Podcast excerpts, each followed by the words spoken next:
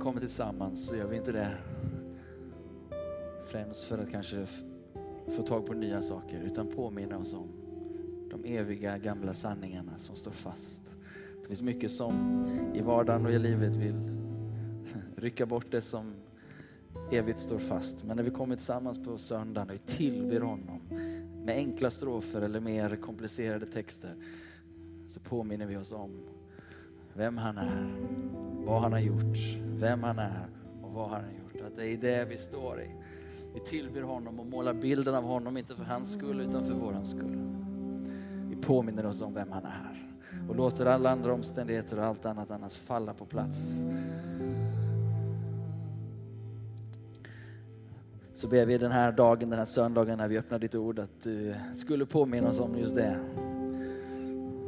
som vi behöver i den här tiden. Tackar dig för att det finns ett levande ord, ett ord som går djupare än intellektet. Tack att det finns ett ord som formar våra hjärtan, formar tro och hopp och kärlek.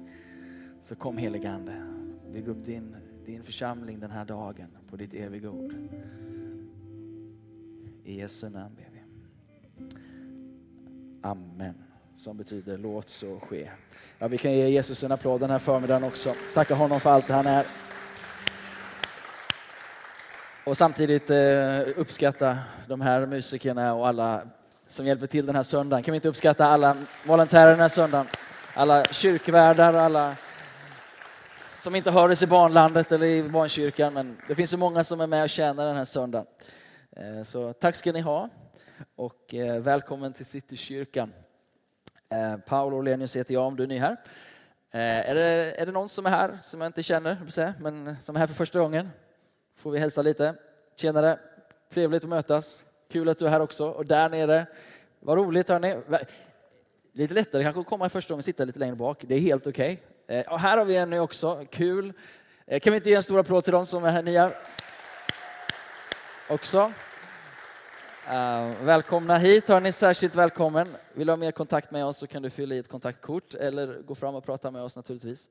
Uh, och uh, välkomna hit den här söndagen. Vi är inne i en serie som vi är ibland. ibland skjuter vi från höften.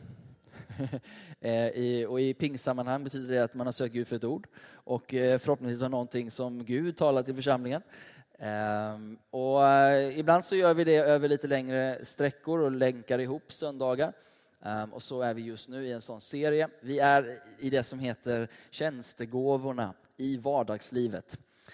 Eller gåvorna till tjänst, att tjäna i vardagslivet. Och eh, förra söndagen fick vi höra om lärargåvan. Söndagen innan det om eh, profetisk gåva. Som inte jag har sett på nätet. Jag vet inte om tappade vi den eller? Ouch. Eh, det var bra. Så att eh, det gäller ju att vara här alltså. Eh, man vet aldrig när det tekniska fel, felar. Men ehm, så är det. Idag så ska jag då försöka borra lite i det apostoliska, apostoliskt vardagsliv. Men jag tar mig friheten ehm, att måla den stora bilden igen. Ehm, och sen går jag mer på detalj. Jag vet inte om jag är rätt ute, men jag Eh, känner i alla fall då, högst subjektivt, att vi behöver bara igen påminna oss om den stora bilden lite sporadiskt så här. Ehm, och det är så att vi är i Efesierbrevet kapitel 4. Ehm, och tidigare så har jag sagt att eh, Efesierbrevet har en särskild roll när vi ska försöka lägga förståelsen för församling på grund av att det brevet skrev Paulus i slutet av sitt liv när han sitter i fångenskapen i, i Rom och gör en tillbakaspegling på det som han ser som församlingen och ger också en eh, teologisk vision för framtida församlingsbyggande. Han, han ger ett, ett, liksom en övergripande bild. Ehm, de andra breven kompletterar och är eh, givetvis en del av helheten, men Efesierbrevet målar den här bilden. Därför så ser vi Efesierbrevets text väldigt viktig, kapitel 4. Och Eh, är du mer intresserad så gå in och titta, eller lyssna snarare på våra tidigare predikningar där vi går lite mer djupare. Så det blir lite repetition i början. Ehm, jag skulle vilja, aha, vi har nya nya medel här. Vi kan se om vi kommer igång med detta. Ehm, måste jag trycka igång den?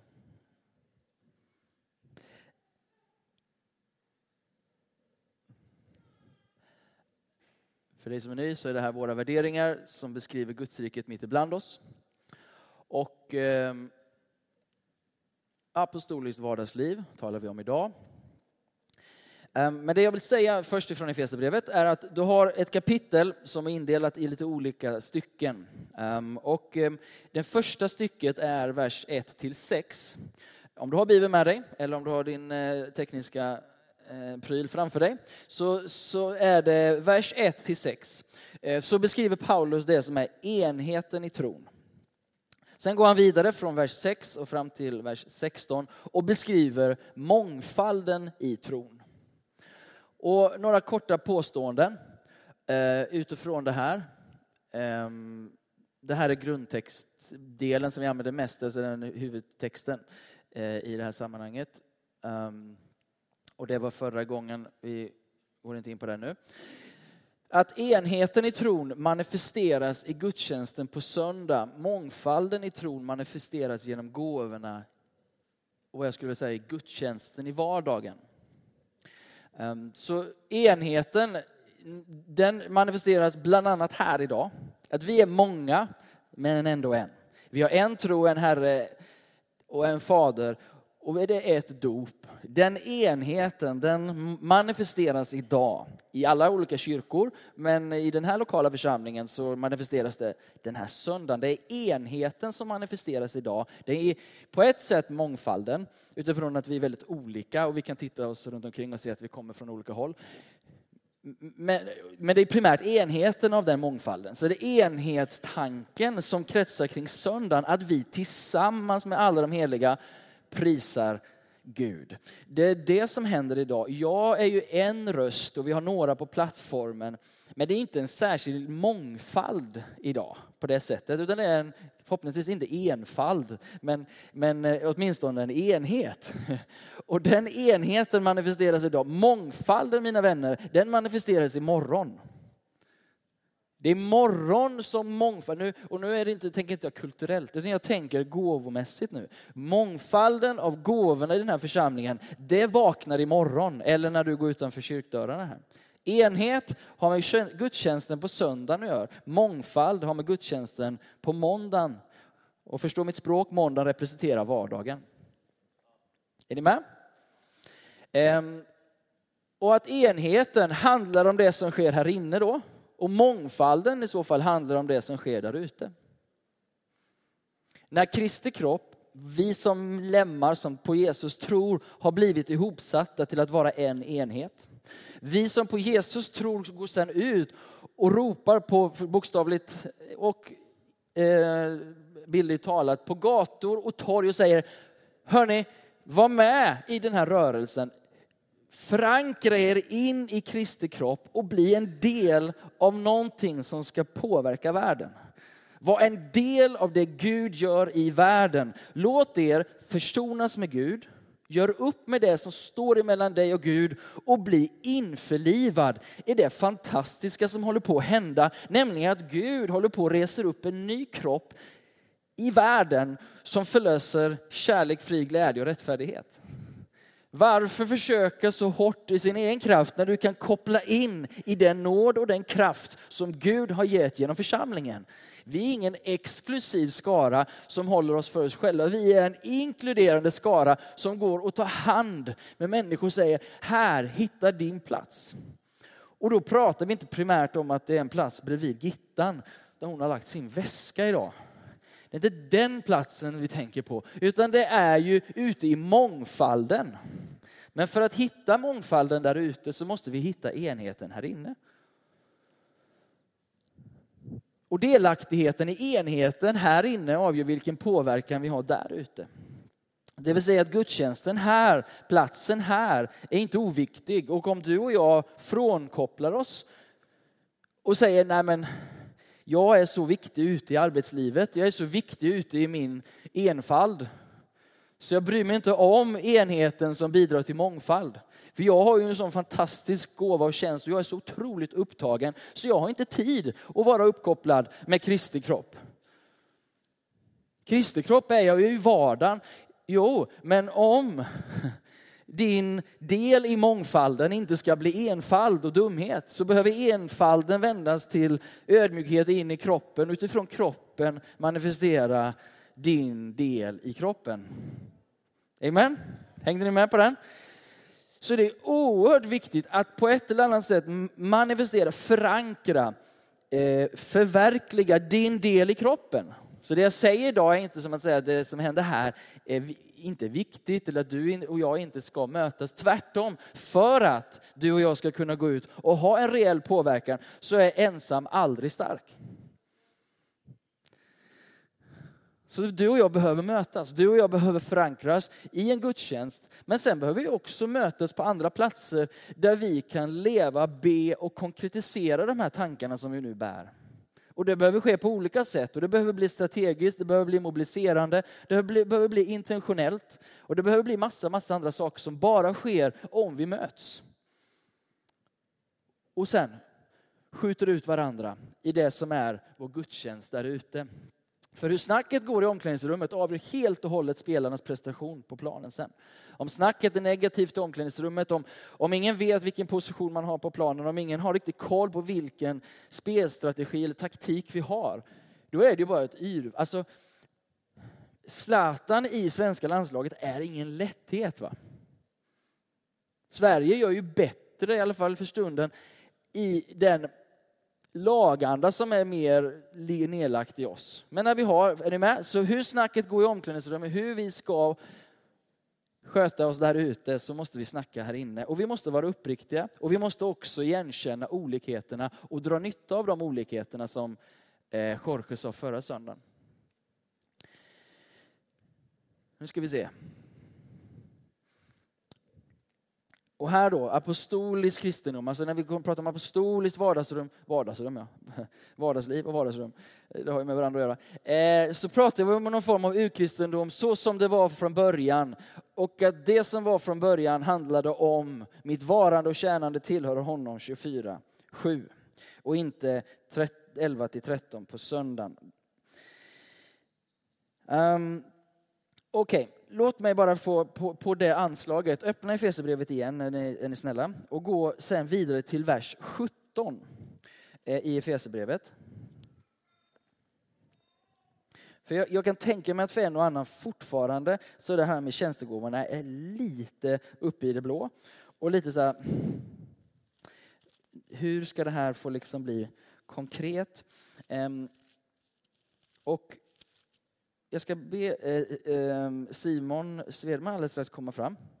Eh, han, han skrev, han är läkarstudent och, och du har gjort, ja, du, jag var bjuden på din examensfest så att jag Hej och hå, ursäkta mig. Han har varit läkarstudent, gjort sin AT och du gör din AT-tjänst. Du får ta det själv sen. Jag förvirrar det här. Simon ska prata lite sen. Han ska dra tjänstegåvorna i sitt arbetsliv. Så här står det i Efesierbrevet 4 och 17.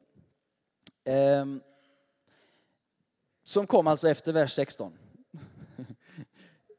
I Herrens namn varnar jag er därför.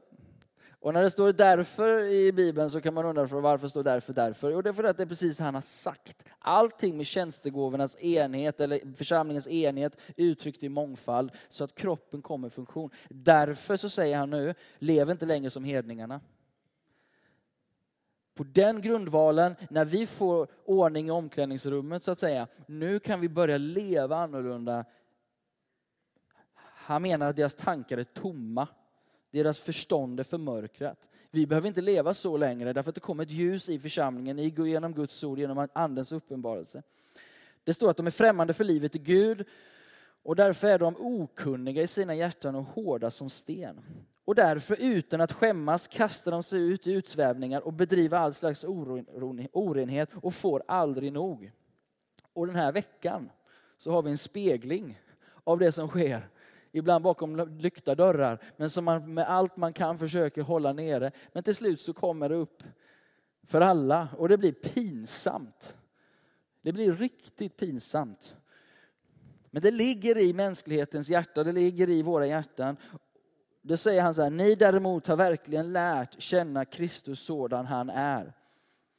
På grund av att vi har ordning på tjänstegåvorna fortfarande, på grund av att vi har ordning i omklädningsrummet, vi har tillgång till den uppenbarelsen. Därför behöver vi inte leva som okunniga. Vi kan däremot leva för vi har lärt känna Kristus sådan han verkligen är. Ni har fått höra honom förkunnas, blivit undervisade honom enligt den sanning som finns hos Jesus. Ni har lämnat ert förra liv. Varför då? Jo, på grund av att enheten, mångfalden är i ordning. Därför så har vi nu kunnat lämna av den gamla människan. Vi behöver inte leva så längre utan vi kan istället brumma. Tack. Förnyas till ande och sinne. Eh, och vi kan ikläda oss den nya människan som är skapad till likhet med Gud. Allt det här på grund av, därför att vi har ordning i omklädningsrummet. Och så då, på den grunden, eftersom vi nu inte behöver leva på ett gammalt sätt utan vi kan leva på ett nytt sätt, då kommer nästa ansats från Paulus. Han säger så här, jo därför lägg bort lögnen och tala sanning med varandra. Profeten stiger in och bara kom igen nu, tala sanning. Vi är ju varandras lemmar, kanske heden. Grips ni av vrede så synda inte. Det är bra att vredgas men synden icke. Låt inte solen gå ner över vreden utan se till att ni håller relationerna. Pastorn är där och vevar lite. Tjuven ska, och ge inte djävulen något tillfälle, varnar profeten kanske. Tjuven ska sluta stjäla, säger profeten. Och aposteln säger, börja istället arbeta och uträtta något nyttigt med dina händer, kar och kvinna. Ehm, och så om man har något så kan man dela med sig av det man behöver. Och så säger profeten, låt inget oanständigt tal komma över era läppar. Och herden säger, tala bara det som är gott och bli till välsignelse så den behövs. Och så vidare och så vidare. Hela församlingen kommer på plats. Varför då? Jo, på grund av att vi har ordning i omklädningsrummet. Och därför så blir ju naturligtvis enheten och det vi gör här oerhört viktigt för att vi där ute ska kunna ta i lögn. Eller som det kommer senare här, bedröva inte den helige Ande, eh, lägg bort bitterhet, häftighet, vrede, allt skrikande och smädande och all annan ondska. Var istället goda och barmhärtiga mot varandra, förlåt varandra. Bli Guds efterföljare. Och det här det blir då väldigt konkret, tänker jag. Det är där, när vi börjar leva ut Kristus i vardagen. Men det ligger i den här strömningen. Um, nu Simon ska jag inte förvirra någonting utan jag, jag, tar en mick och ger den till dig direkt och så ska du få berätta. Jag, jag har tagit en mick ja, men Du ligger steget före, det är ju så. Ge Simon Sveman en applåd här.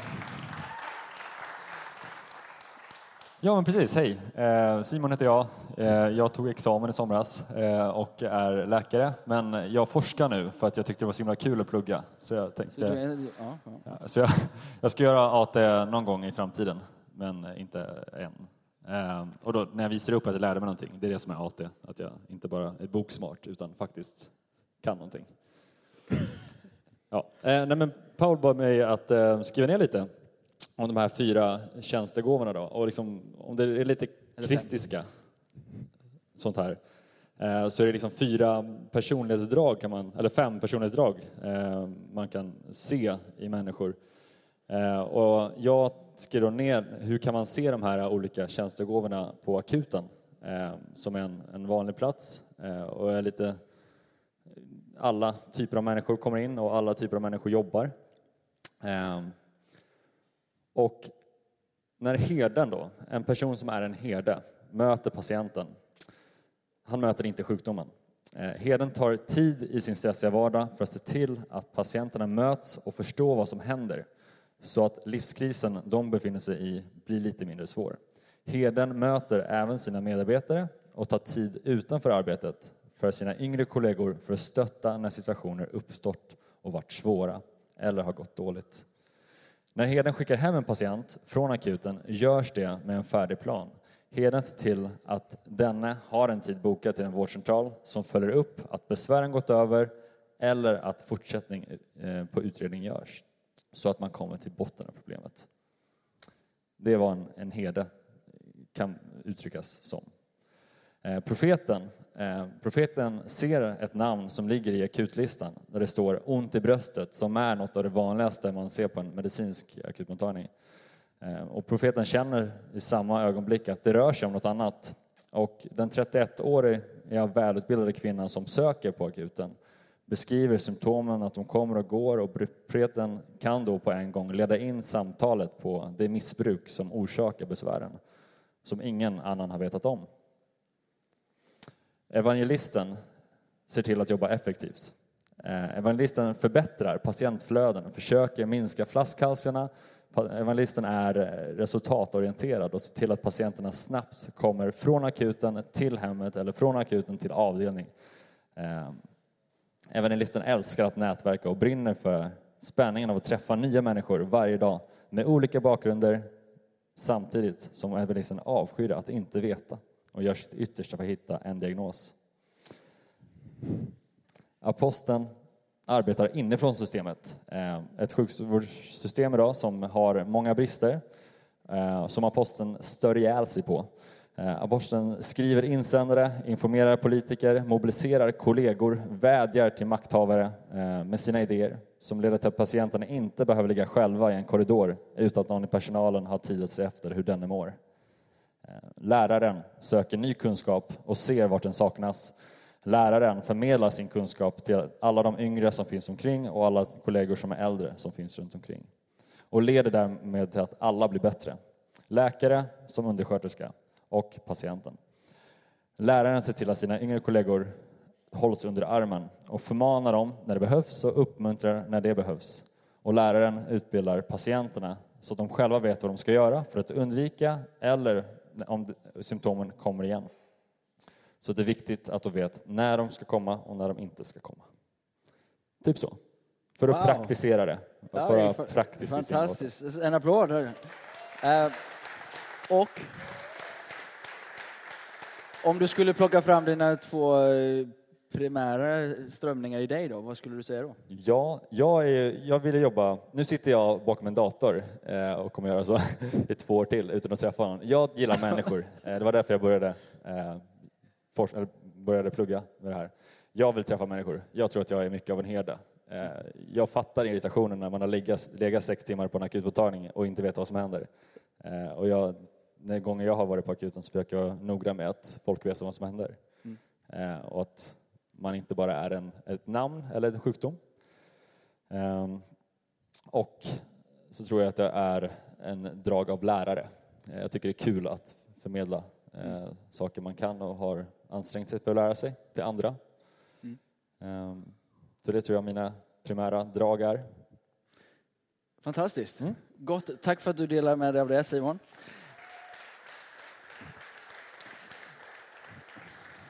Är det då fler som skulle vilja hjälpa varandra med det här eh, så får ni hemskt gärna mejla in till mig. Ehm, och tanken är att vi ska i de olika branscherna och olika genrerna växa fram någon form av förståelse för, för det här i vardagslivet. Eh, så stort tack Simon. Nu går vi vidare och jag ska säga någonting då. Vi kommer in i, i det just apostoliska vardagslivet. Ehm, och eh, vårt syfte, vår längtan är för övrigt då på det övergripande att när jag är fullt ut tillfredsställd och hemma i mitt tjänande, i min vardag, så kan Gud bli fullt ut förhärligad i min vardag. Alltså när vi inser vem jag är i min vardag, vad jag har för uttryck, vad är det som är det som klingar i min vardag, då kan jag också förhärliga Gud på ett helt nytt sätt i min vardag. När jag förstår att den smörjelse och gåva Gud har gett mig kan levas ut. På engelska gillar det här When I am most satisfied in him, he is most glorified in me. Att det finns ett förhållande, förhåll, förhållande mellan vår tillfredsställelse i honom och hans förhärligande i oss. Um, därför så tänker vi att gåvorna tjänar inte som syfte att organisera oss primärt i kyrkan, eller kanske primärt först i kyrkan, men det handlar om att mobilisera oss i staden. Det är liksom det här sändande perspektivet. Och det ligger i det apostoliska tänkandet som hela kyrkan bär, men som de av oss som bär gåvan eller bär smörjelsen eller nåden att tänka apostoliskt tänker i de här banorna hela tiden. Och det gör att när jag pratar med Simon till exempel, så, så för i mig ligger liksom det här apostoliska drivet. Och det gör att jag liksom hela tiden försöker koppla mig på det som Simon är och sända, vara liksom tillsammans med honom i någon mån i det han gör, eller vem som än, eh, eh, all, oss alla här. Att kyrkan är den här sändande. Det ligger i apostoliskt driv och tänk när det kommer till kyrkans tillämpning av det. Ehm, nu ska jag försöka bara måla fyra karaktäristiska drag av den apostoliska tjänsten. Och nu tänker jag primärt då inte kyrka, utan kan vi applicera det här in i arbetslivet? Du kanske kan känna igen någon, en, en, en chef eller medarbetare. Du kanske kan tänka in dina barn eh, eller, eller din man eller din, din fru. Alltså människor runt omkring dig. Så det här blir ett sätt att förstå varandra. Eh, ett, ett sätt att bekräfta varandra, inte boxa in varandra och säga att sån är du. Och, utan vi kan igenkänna och uppskatta det som är olikheterna framförallt. För det är där det svåra ligger. Okej, okay. är ni med? Så vi, vi undervisar det här för att det här ska så småningom kunna bli en springbräda ut i, eh, i agerande i det vi ska göra. Eh, jag tänker mig jag har läst under fem, sex, sju, åtta år här nu massor litteratur om det här. Eh, så istället för att rada upp någonting som någon annan har skrivit så har jag skrivit det här från mitt lilla hjärta. Okay? Det här är mina, min spegling och den sammanfattning som jag gör nu. Och eh, det betyder att vi är på en resa. Det betyder inte att det här är absolut sanning, utan det här är en spegling av bibeltexter, andra texter, så som jag ser det. Är ni med? Visionär, pionjär. Och varför visionär pionjär, det är för mig att det apostoliska för mig både ser framtiden och går in i framtiden. En nyans i det apostoliska är att man kan inte bara sitta och se framtiden utan att göra någonting åt det. Pionjären är den som rör sig in i det okända, outforskade och gärna omöjliga. Man triggas av någonting som är omöjligt. Och man kan inte bara identifiera det, men man rör sig in i det. Vare sig det är en ny produkt eller om en ny, det kan till och med handla om forskning, det kan handla om att knäcka nöten för någonting.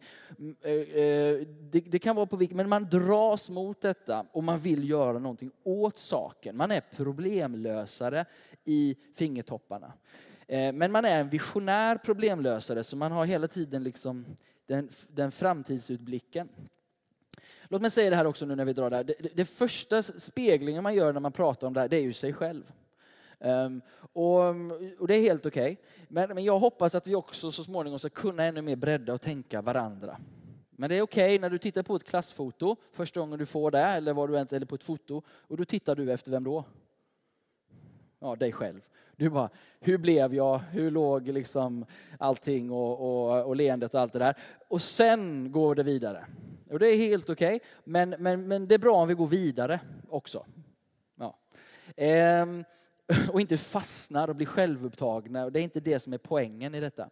Ehm, så man dras till det som kanske inte funkar. Ehm, man blir kanske, eh, man ser på samhället och man sitter inte bara och vill prata om det utan man vill gärna agera i det som inte funkar. Och utifrån det så är man med och nyskapar, man finner och skapar nya, nya vägar. Och där ligger man liksom, där ligger designen, där ligger att hitta lösningen på det som ännu inte är löst. Eh, och gärna utifrån en, en, visionär utblick.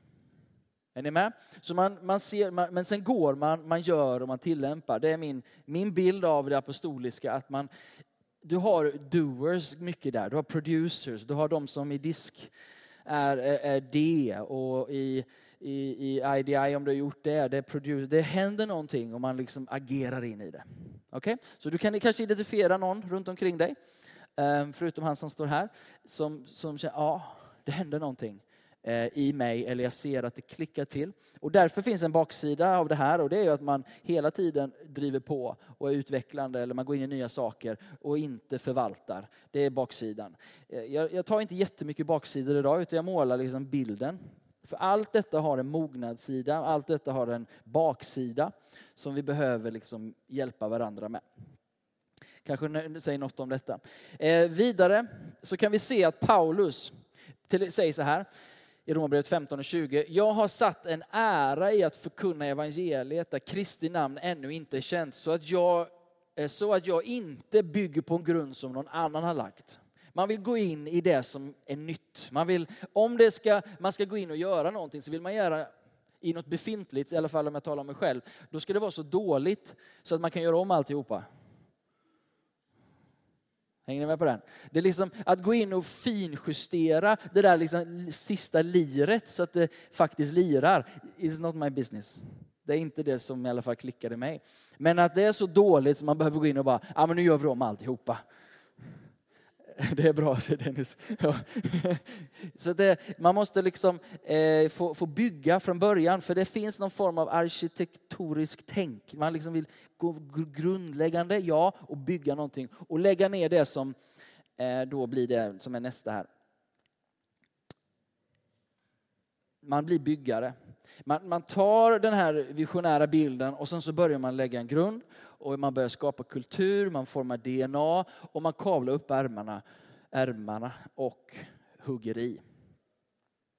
Eh, Paulus säger så här, men den nåd som Gud har gett mig har jag som en kunnig byggmästare. Och Paulus refererar till sig själv som apostel, så det är en apostolisk liksom, sätt att tänka. Eh, har jag som kunnig byggmästare lagt grunden och nu bygger en annan vidare på det.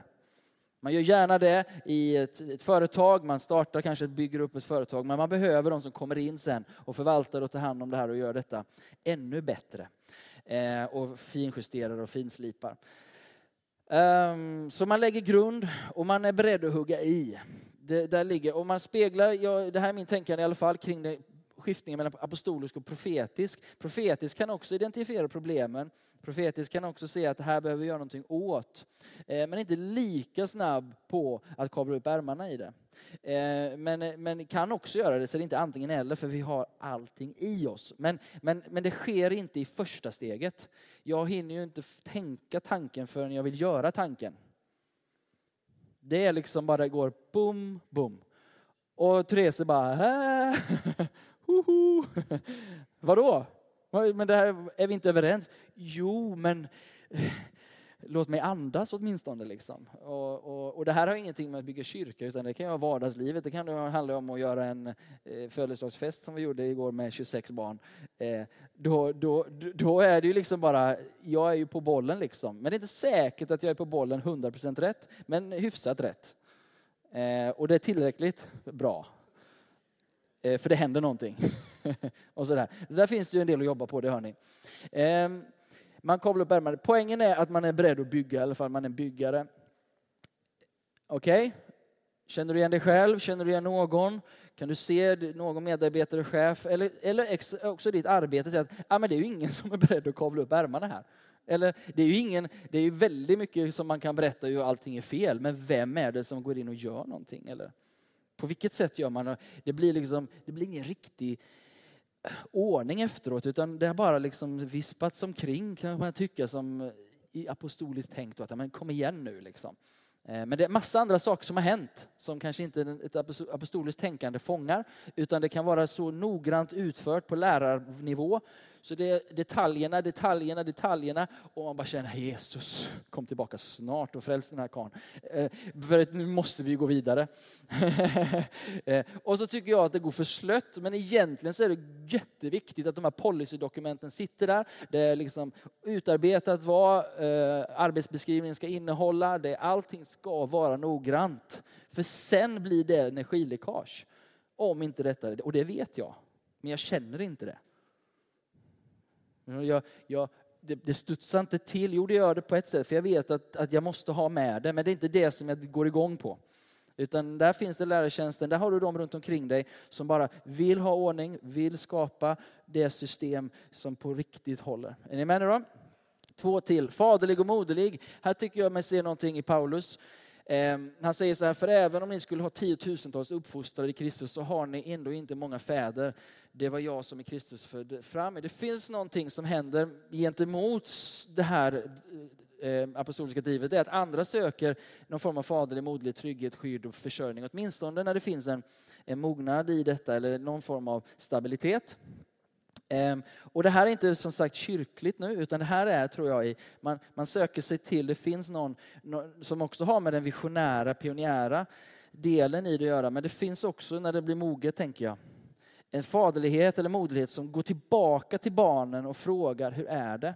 Form, det som man har format, man kan inte liksom överge det utan man, man kommer tillbaka, precis som Paulus gick tillbaka till sina församlingar så går man tillbaka till det man har varit med och format. Och det finns en, en djup kärlek och ett band mellan eh, det, det, den som, den som, det apostoliska. Då. Är ni med? Too much information? Nu är det mycket information. Ni får gå in och lyssna igen. Eh, jag tar den här risken. Ehm, holistisk och synergisk.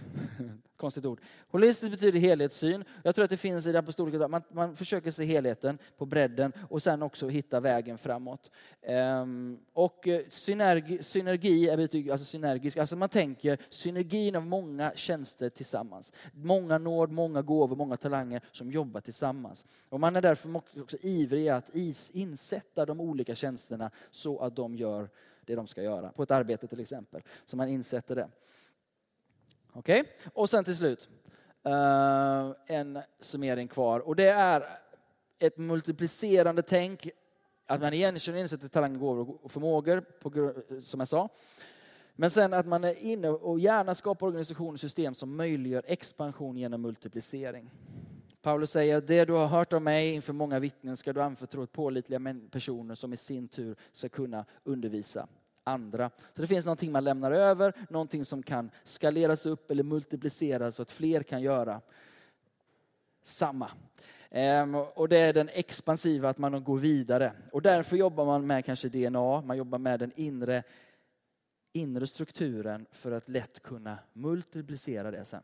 Och träna många i det som ska multipliceras.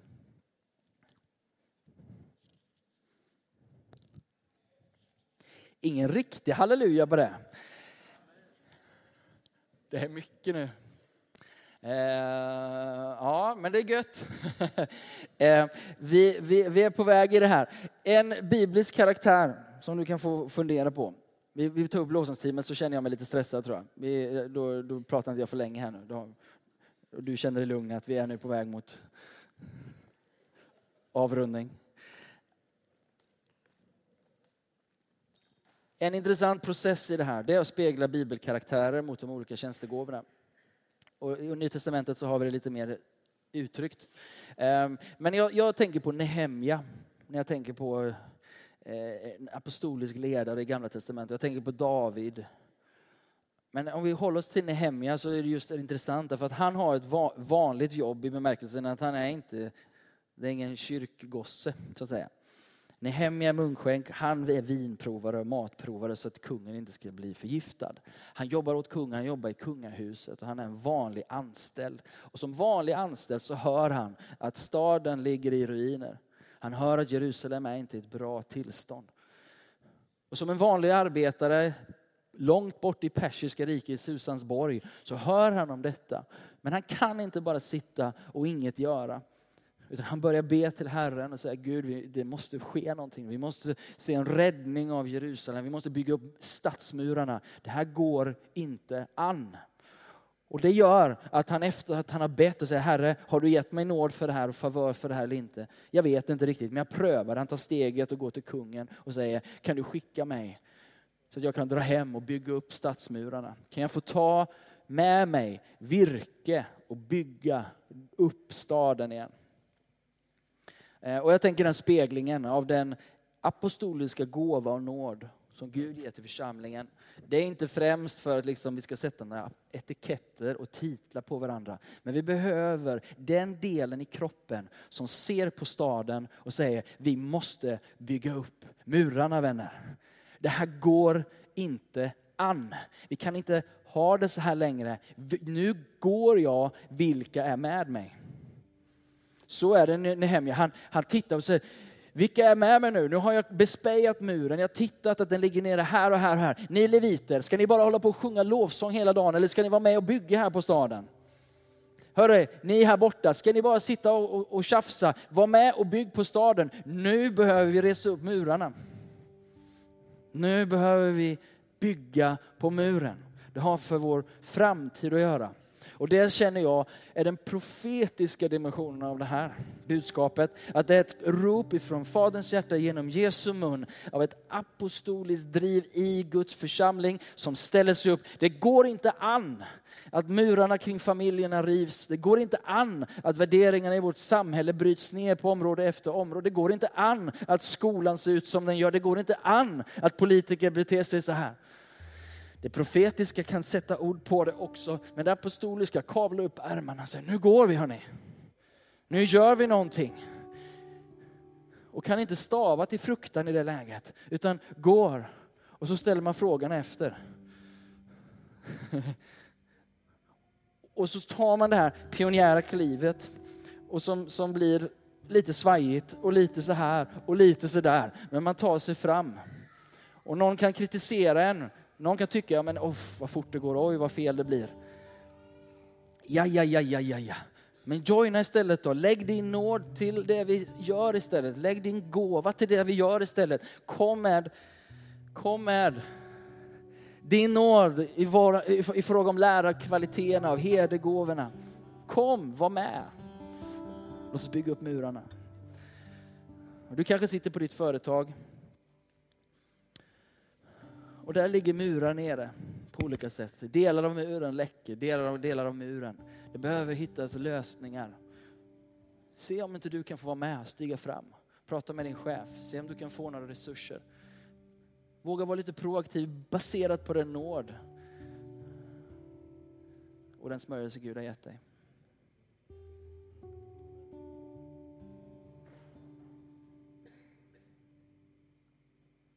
För när Jesus satte sig på Faderns högra sida så såg han ner på jorden. Och han sa att ni behöver ha apostoliskt driv. Och det som har hänt är att vi har inte vågat prata om det här riktigt. Vi har inte vågat gestalta det och ta det riktigt i vår mun. Och där har fienden fått lura oss, eller hålla oss tillbaka, tänker jag. Men eh, låt oss få ta tillbaka det här i omklädningsrummet och inte sätta titlar på varandra. Men igenkänna nåden och bekräfta de olika nådgestaltningarna, eh, om du säger gåvorna. Ska vi ställa oss upp hörni?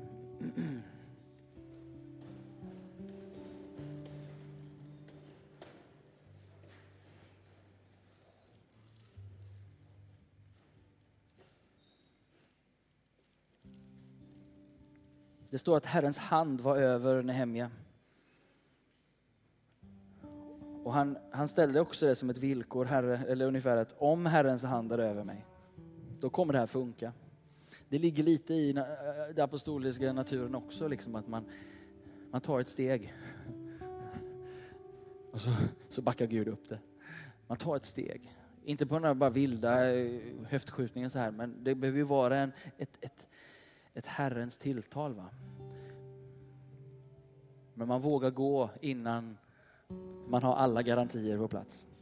Och vi ska tacka Gud för allt sånt driv. Och då omvänt då från herde och lärarperspektiv så behöver ni vara med och välsigna det här. Behöver vara med och bara säga, det här är fantastiskt. Med vetskapen om att det apostoliska drivet behöver den uppbackningen och tvärtom.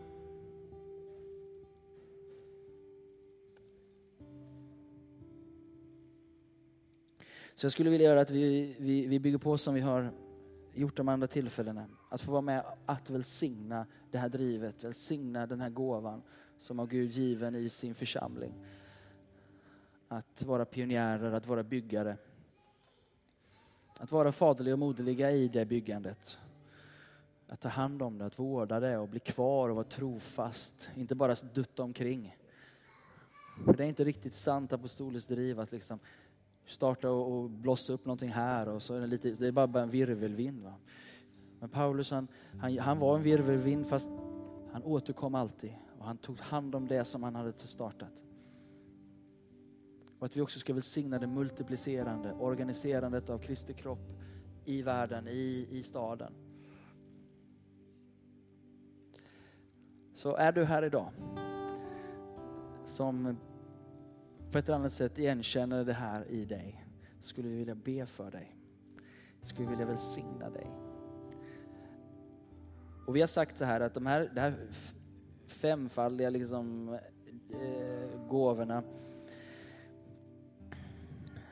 vi har liksom allting eftersom det alltid speglar Jesus och vi alla är evangelister och vi alla är allting i någon mån. Va? Men att det finns någonting som sticker fram och det finns kanske ett par sidor, ett få gåvor eller sådär som är tydligare. Så det behöver inte heller bara vara en. Poängen är någonstans att det ligger i framkant av din personlighet, av Gud given och en nåd och en kraft att tjäna på det sättet. Så där du står idag, eh, så vill jag gärna om, eh, att vi ska få be för varandra. Så igenkänner du det här så ska du bara få lyfta din hand och så tar vi en stund i tillbedjan eller bara i, i musik och så ber vi. Ber vi för varandra och välsignar detta. Eh, är det okej? Okay? Vi har gjort det innan, vi har profetiska och lärare och så, och så där apostoliska. Får vi bara be i kroppen, i församlingen, i enheten och välsigna det. Har vi några apostoliska drivna människor här? Kolla här, vad härligt hörni. Gud välsigne er. Har vi fler som till, till stor eller liten grad? Ja. Ung eller gammal? Har vi fler som, som vågar idag någonstans bara igenkänna, ja, det här, det här tickar i mig. Det, jag kanske inte, det, det här är den generaliseringen som vi lätt har gjort på ett felaktigt sätt, gör att man måste vara liksom väldigt så här, eh, jag vet inte hur, karismatiskt starkt yttre, men det ligger på djupare plan. Det ligger här nere. Det, det, det har med hur du tänker och hur du är. När ingen ser. Så medan vi lyfter våra händer, lyft din hand rakt upp igen och så ser ni som är runt omkring och lägger era händer på, på de här personerna. Lyft handen tills någon har sin hand på dig. Så vill vi vara med och bara välsigna det av Gud nedlagt i dig. Och det här kanske är ett jättestort steg för dig idag. Att bara oj, det här har jag aldrig gjort innan. Så jag bara säger Gud välsigne dig för att du vågade lyfta din hand idag. Och känner du att du, ah, jag skulle lyfta handen, lyft handen så kommer vi. Har alla fått? Det är någon, det är någon som ber för dig där nere?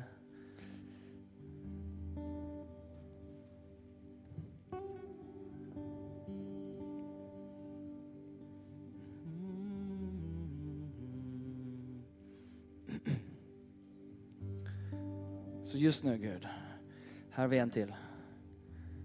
Nej, det var en, en halv hand. Ja, just det.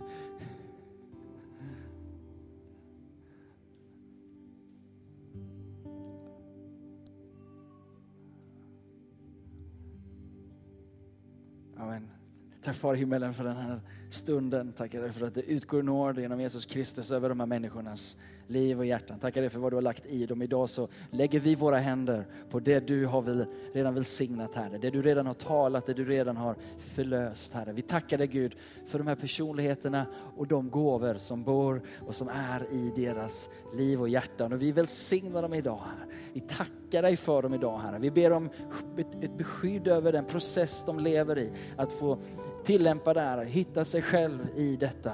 Gud, vi tackar dig för allt apostoliskt driv som finns i Citykyrkan. Att det ska få vara med och bryta ny mark för evangeliet. Att det ska få vara med och bryta ny mark för ditt rike i den här staden, Herre. Vi tackar dig för att vi får vara utsända i Jesu Kristi namn. Vi får vara utsända med en nåd och en kraft ifrån himmelen att ditt rike bryter fram när de apostoliska ledarna, apostoliska gåvorna stiger fram Herre. Vi ber om en upprättelse av den apostoliska tjänsten i vår tid. Vi ber att det ska bli tydligt Herre. Vi ber att det ska få komma på så många nya sätt Herre. Vi tackar dig för att vi får finna nya stigar, att vi får hitta, hitta nya vägar. Jag tackar dig Gud för att du nyskapar någonting i den här tiden.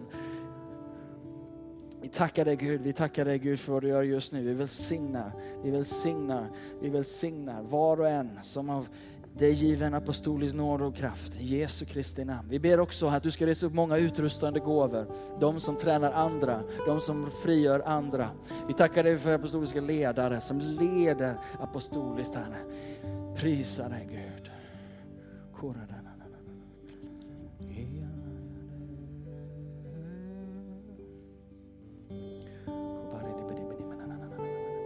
Jesus.